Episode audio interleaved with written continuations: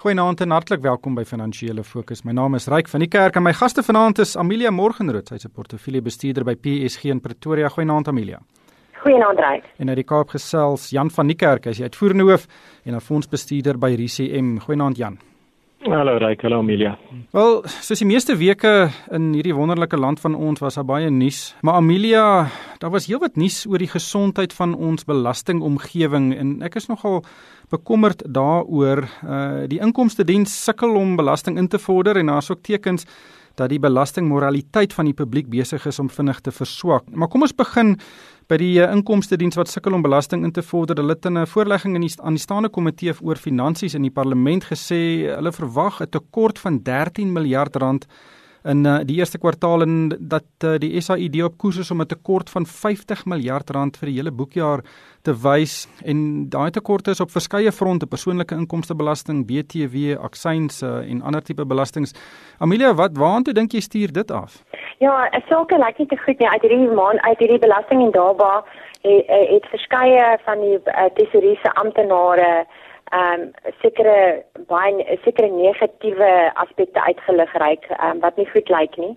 Ehm um, en dit lyk regtig asof hulle worstel om hulle teikens te bereik en die probleem is nou waarmee ons sit ehm um, is dat op 'n breë front het, het is daar definitief 'n afname oor die laaste oor die laaste jare eintlik. Ehm um, wat hulle sien, byvoorbeeld die uitstaande belastingopgawes het opgespring met 77% ehm um, die BTW op die BTW uh, opgawes het ehm um, verlaag het met 87% ehm um, verminder. So daar's 'n daar's 'n definitiewe afname op 'n breë front en hierdie geprojekteerde inkomste gaan definitief nie die teikens haal nie, ryk. En dit wys maar net vir jou verskillende goed. Ek dink eerstens is dat die feit dat ons nie ekonomiese groei werklik het hierdie laaste klompie jare nie en ek praat nie nou net van die tegniese resessie waarin ons was nie, Um, ons het werklik baie lae ekonomiese hmm. groei en dit is uitekeend baie van die klein maatskappye is onder druk. Um, en ek dink dit is dit is een van die aspekte en dan in die algemeen dink ek mense probeer enigiets om nie belasting te betaal nie. Want jy weet in 'n groot mate het ons baie goeie stelsels hier in Suid-Afrika en ons by die belasting um, by SARS en dit is baie moeilik om regtig daai stelsels te ontwyk maar daar's tog 'n aspek van eer, eerbaarheid en eerlikheid wat ook by maatskappye is om hulle belasting um, te betaal en eerlik ja. te wees daaroor en dit gaan natuurlik ook onder um, dit kom ook bietjie onder verdenking. Maar Jan, Suid-Afrikaners oor die algemeen betaal hulle belasting. As mens dit vergelyk met ander lande in die wêreld en een een wat opkom is uh, Griekeland waar omtrent niemand belasting betaal nie. Is Suid-Afrikaanse belastingbetalers taamlik uh, pligsgetrou? Dink jy hier's 'n verandering wat plaasvind? Ja, ek ek dink daar's twee dinge. Ons die Suid-Afrikaanse belastingstelsel uh, as jy dit vergelyk met ander lande is redelik eenvoudig. So meneer Manuel toe hy nog minister van finansies was, het ons belastingkode redelik vereenvoudig. Uh so die geleenthede om belasting te ontduik en planne te maak het minder geraak. Uh en vir 'n lang tyd was Suid-Afrikaners bereid om hulle belasting goed te betaal omdat hulle gesien het dat die belasting reg aangewend word. Ek dink die die voorbeeld in die laaste paar jaar waar belastingbetalers voel dat weet die manier hoe die belasting aangewend word nie en almal se voordeel is, dit beteken dat op 'n morele vlak begin mense dink maar ek weet ek wil nie regtig hiervoor betaal nie. En tweedens dink ek dit is 'n bekostigbaarheidspunt. Ek dink ons is op die punt waar die persentasie van die ekonomie wat aan belasting spandeer word is op daai grens waar dit internasionaal gewys is dat dit te hoog is en as ons meer as dit gaan dan gaan die, die populasie aktief begin om hulle wat is noem basisverskywing toe te pas. Jy gaan maniere probeer kry om op 'n wettige manier eers en dan later onwettig om om belasting te vermy, maar Suid-Afrika oor die algemeen het 'n baie goeie belastingkultuur, maar dit is besig om te verswak. Jy kan dit sien in die syfers. Maar Jan, ek bly sommer by jou die die, die probleem wat dit skep is dat die regering se geld wat eintlik reeds op is nog vinniger opraak. Um, ons eh, 'n uh, 50 miljard rand tekort aan die einde van hierdie boekjaar kan omtrent 'n halwe persentasiepunt op die begrotingstekort byvoeg. Ehm um, weet en dan sit, sit ons nog met die SAL wat meer as 10 miljard rand soek. Eskom soek nou 'n 20% tariefverhoging omdat sy geld op is. Hulle gaan dit verseker nie kry nie. Dan het ons nog vir die SAIK, ons het Sanral. Uh, wat wat gaan gebeur met die fiskale posisie van Suid-Afrika oor die volgende weet jare wat? Ja, onthou die Suid-Afrikaanse regering se begroting is omtrent 1.2 triljoen rand in 'n jaar. So 50 miljard rand is so weet so knap onder die 5% van van die totale inkomste wat hulle mis. Ehm um, so as 'n persentasie is dit nie te groot nie, maar 'n absolute bedrag is dit nogal groot en al wat gebeur is die regering gaan meer geld moet leen as wat hulle voorheen uh weet in ag uh, voorbeplan het. Uh, en uiteindelik wat gebeur is dat die hoeveelheid uitstaande skuld relatief tot die grootte van die ekonomie raak ondraagbaar. Nou daai syfer het weer drasties toegeneem. 8 jaar gelede was Suid-Afrika op 25% van BBP in terme van die totale hoeveelheid skuld en ons is nou omtrent op 50, so dit het verdubbel. Uh en uiteindelik wat gebeur is rentekoerse waarteen die regering geld leen moet hoër gaan en dit beïnvloed die res van die ekonomie. So weet in totaal is dit 'n baie negatiewe invloed nie net vir die regering en belastingbetalers nie, maar ook vir besighede en individue want al ons rentekoerse word maar afgelei van wat die regering se koers is. Amelia nog 'n onderwerp belastingonderwerp wat baie aandag trek is hierdie voorgestelde belasting op mense wat geld in die buiteland verdien. Ehm um, en daar was nou hierdie week by die belasting en daar by twee toegewings gemaak. Die eerste ene was dat dit eers in 2020 in werking gaan tree en die tweede ene is dat daar 'n kwytskelding gaan wees van omtrent die eerste 1 miljoen rand se belasbare inkomste. Uh weet ons by Moneyweb uh, dis een van die onderwerpe wat die gewildste is. Al baie mense lees daai tipe stories want dit gaan 'n groot impak hê. Hoe, hoe lees jy hierdie ontwikkelings? Amelia? Amelia? O, dit lyk my ons het vir haar verloor. Jan, kan ek hierdie vraag na jou toe gooi? Ja, ek uh, onthou waar dit vanaf gekom het is die belastingaanpassingswetgewing wat in Junie maand bekend gestel het dat 'n heel paar voorstelle gemaak van hoe belasting in Suid-Afrika die wet sou verander. Deel daarvan het te doen gehad met uh, dividende wat uit maatskappye betaal word en die ander een natuurlik was vir wat ons noem die expats Suid-Afrikaners wat in die buiteland werk. Ehm um, en in die verlede wat gebeur het is jy byvoorbeeld in die uh, Verenigde Emirate werk en jy het geen belasting daar betaal nie omdat jy nie 'n Suid-Afrikaanse burger was of nie vir meer as helfte van die jaar bly nie, het jy geen belasting betaal nie.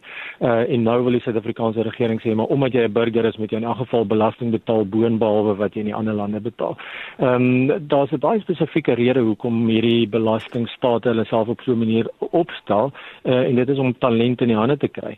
Uh en ek dink jy daar was groot voorleggings gemaak deur adviseurs om weet met die ontvanger te praat en ek dink hulle het die lig gesien internasionale kompeterende ehm um, weet uh, instellings veroorsaak dat jy dit is belangrik dat jy jou mense op die regte manier belas. Anderster gaan Suid-Afrikaners net nie daai geleenthede hê nie en ek dink hulle het dit ingesien.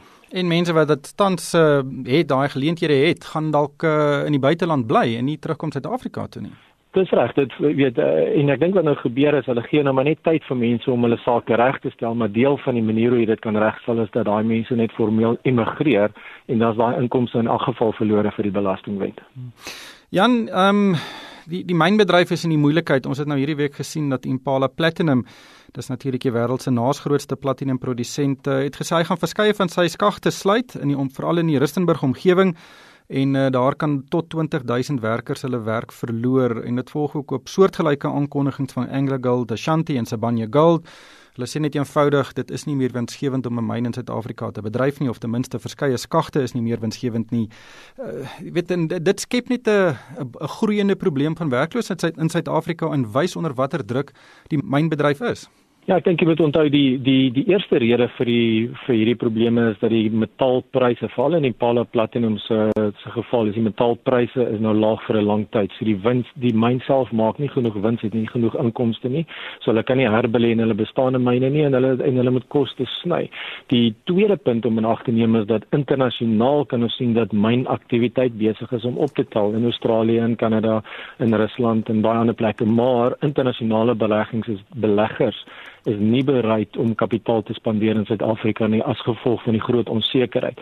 So in die verlede wat so gebeur het, jy kan van een myn kan toemaak en werkers verloor te maar iemand langsaan is besig om 'n ander myn te ontwikkel en dan kan daai werkers weet eh, weer 'n geleentheid kry by die die myn langsaan en in hierdie en dit gebeur nie in hierdie siklus nie en jy's reg dit verhoog die aantal mynwerkers wat hulle werk verloor en wat nie 'n geleentheid het om weer in diens geneem te word nie. Maar tog is hierdie eh, 'n politieke tamaletjie want uh, daar's baie baie met beleids uh, onsekerheid in die mynbedryf. Weet die myne sê daar's nie sekerheid in die in die bedryf nie. Ons kan nie belê nie. Ons kan nie nuwe tegnologie gebruik nie. Maak die omgewing reg en dan sal ons belê. Aan die ander kant sê die regering vir die myne um, luister, uh, julle verantwoordelikheid strek verder as net julle aandeelhouers. Julle het ook 'n sosiale verantwoordelikheid. Julle het die afgelope klomp dekades reuse winste gemaak en nou wil julle mense afdank omdat julle in 1 jaar verliese ly. Hoe bring jy hierdie hierdie twee sienings bymekaar uit? Ja, ek dink jy moet dit uit die oog sien van internasionale tendense. Jy weet globaal is mynwese besig om baie meer te mekaniseer en minder mense in diens te neem uh neem as 'n voorbeeld wat in die tekstielbedryf in Suid-Afrika gebeur het ten spyte van die feit dat jy weet tekstielbesighede 50 jaar terug goeie wins gemaak het internasionaal het dit uh weet dit so verander dat jy nie meer mense gebruik nie en baie meer masjiene en ek dink in myne is dieselfde so uh, om te argumenteer dat weet 'n uh, mens moet aanhou mense in diens te neem net omdat dit die manier is ons dit hier doen jy weet dit hou nie water nie ek dink 'n mens moet 'n balans kry tussen ehm um, sekerheid vir myne om of vir myn huis om hulle beleggings te, te doen maar hulle moet ook 'n onderneming gee dat hulle na die omgewing sal kyk. Maar wat gaan word van ons mynbedryf? Die traject is baie duidelik afwaarts. Hoe voorsien jy die volgende paar jaar se se ontwikkelings? Ja, kyk, daar's net 'n paar goed wat die mynbedryf kan red of die mineraalpryse moet drasties toeneem en ons weet dis redelik siklies of die geldeenheid moet baie verswak want dit gaan ons onkoste in dollar terme verminder. Ehm um, weet of anders moet ons mekaniseer, maar dis moeilik om te sien uh weet dat dat ons die werk in diensnemingssyfers in die mynbedryf weer binnekort drasties gaan vermeerder. Johan Rupert uh, van Richemont en een van die groot entrepreneurs van Suid-Afrika het hierdie week in Switserland gesê um, dat radikale ekonomiese transformasie is diefstal. Um, dit het nogal 'n groot uh, reaksie in Suid-Afrika ontlok. Um, hy het gesê die weet, regering moet eerder 'n omgewing skep waar swart entrepreneurs kan floreer. Um, en dat dit nie gebeur nie en dat uh, die beleidsstandpunte en die en die uitsprake wat gemaak word oor radikale ekonomiese transformasie blaasies is rookskerm is vir 'n uh, uh, weet inisiatiewe om die staatskas rot en kaal te steel. Wat, wat maak jy van sy opmerkings? Ja, ek dink Johannes is 'n baie uh, goeie besigheidsman en ek dink hy het al genoeg ervaring in baie dele in die wêreld om 'n uh, ingeligte opinie te gee.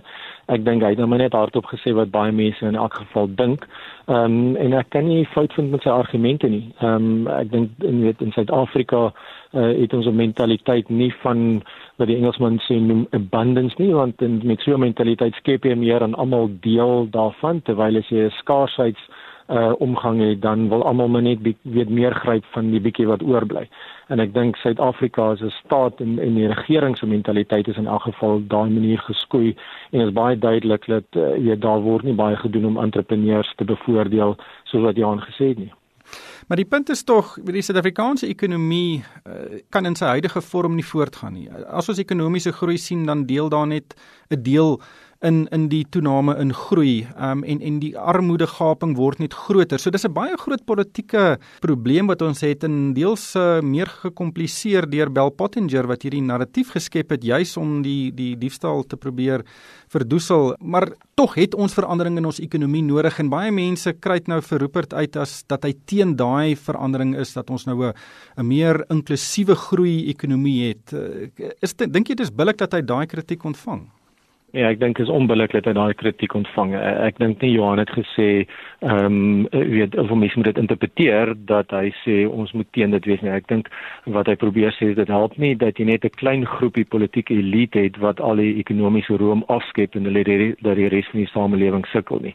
Uh, ek dink dis nie nodig om dit op te stel as 'n bekleierery tussen besigheid en regering nie.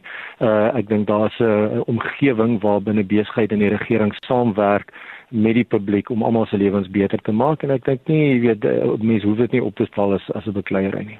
Dan Jan die Reserwebank het hierdie week homself baie sterk in 'n eetsverklaring uitgespreek teen die openbare beskermer en gesê net voordat die openbare beskermer haar omstrede verslag of 'n uh, aanbeveling bekend gemaak het dat die Reserwebank se mandaat verander moet word, het die OB met die presidentskap en die spesiale ondersoekeenheid agter die rug van die Reserwebank vergader.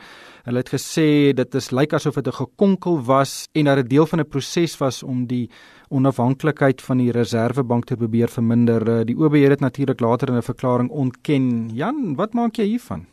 Ja kyk, uh, weet, as 'n Suid-Afrikaner is die een ding wat my die meeste bekommer is wie se beheer van weet ons kapitaal uh, en ons geldreserwes. Want as jy kyk in alle ekonomieë reg oor die wêreld waar jy in groot moeilikheid kom is wanneer die die beleid rondom weet geldskepping skeefloop so en dit skep uh, hiperinflasie en hiperinflasie is sleg vir alle dele van die ekonomie. Dit het gebeur in die Weimar Duitsland, dit het gebeur in Venezuela, dit het gebeur in Zimbabwe en weet as daar iets is in Suid-Afrika waarvoor jy wil bang wees, dan is dit wanneer iemand die Reservebank oorneem en besluit om net geld te druk om meer salarisse te betaal. Uh, en ek dink dis 'n baie goeie ding dat die Reservebank so hard beklei om hulle onafhanklikheid te bewys en om te wys presies waar die inmenging vanaf kom en hoe dit ingemeng word en wie die partye is wat wil inmeng. Want ek dink dis een van ons laaste bastionne wat ons moet baie mooi beskerm. Net laastens Jan uh, Bitcoin is een van hierdie uh, borrels wat nou al die afgelope tyd die opskrifte haal. Baie mense stel baie belang daarin, ongelukkig vir die verkeerde redes, maar dit lyk asof hierdie week of daai borrel dalk geprik is. Ja, ja, dit is ongelukkig is my sentiment soos joune. Ek dink daar is 'n borrel aan die gang. Ek dink mense probeer Bitcoin koop en dan belê vir die verkeerde redes net omdat die prys opgegaan het. En dis 'n wonderlike storie om vir mekaar te vertel oor die tegnologie en al die veranderlikes. Maar weet dis dis 'n redelike klein mark as jy dink die totale markwaarde van Bitcoin in die hele wêreld is maar 60 miljard dollar so dis 'n verskriklike klein mark en almal wat deelneem wat beteken die pryse is verskriklik volatiel. Uh, en ek dink uh, mense moet dit maar net in ag neem uh, as jy daar betrokke raak. Maar ons het gesien Jamie Dimon wat die hoof is van JP Morgan International het ook weet baie sterk stellings gemaak rondom hierdie geldeenheid, maar dis een van die goed waar mense baie sterk opinies op die oomblik het en ek dink ou moet maar baie versigtig wees daar. Ja, hy sê is nou 60 miljard dollar. Ek dink dit was 2 weke gelede 75 miljard dollar. Ehm um, en die Chinese hou glad nie daarvan nie. Hulle is verband van die transaksies. So dis 'n baie wisselvallige tydperk wat voorlê. Ongelukkig hierdie tyd ons ingehaal. Baie dankie aan uh, Amelia Morgenrood van PSG. Ons het haar ongelukkig 'n bietjie vroeër verloor en dan ook Jan van die Kerk van RCM en van my ryk van die kerk. Dankie vir die saamluister en ek hoop almal het 'n winsgewende week.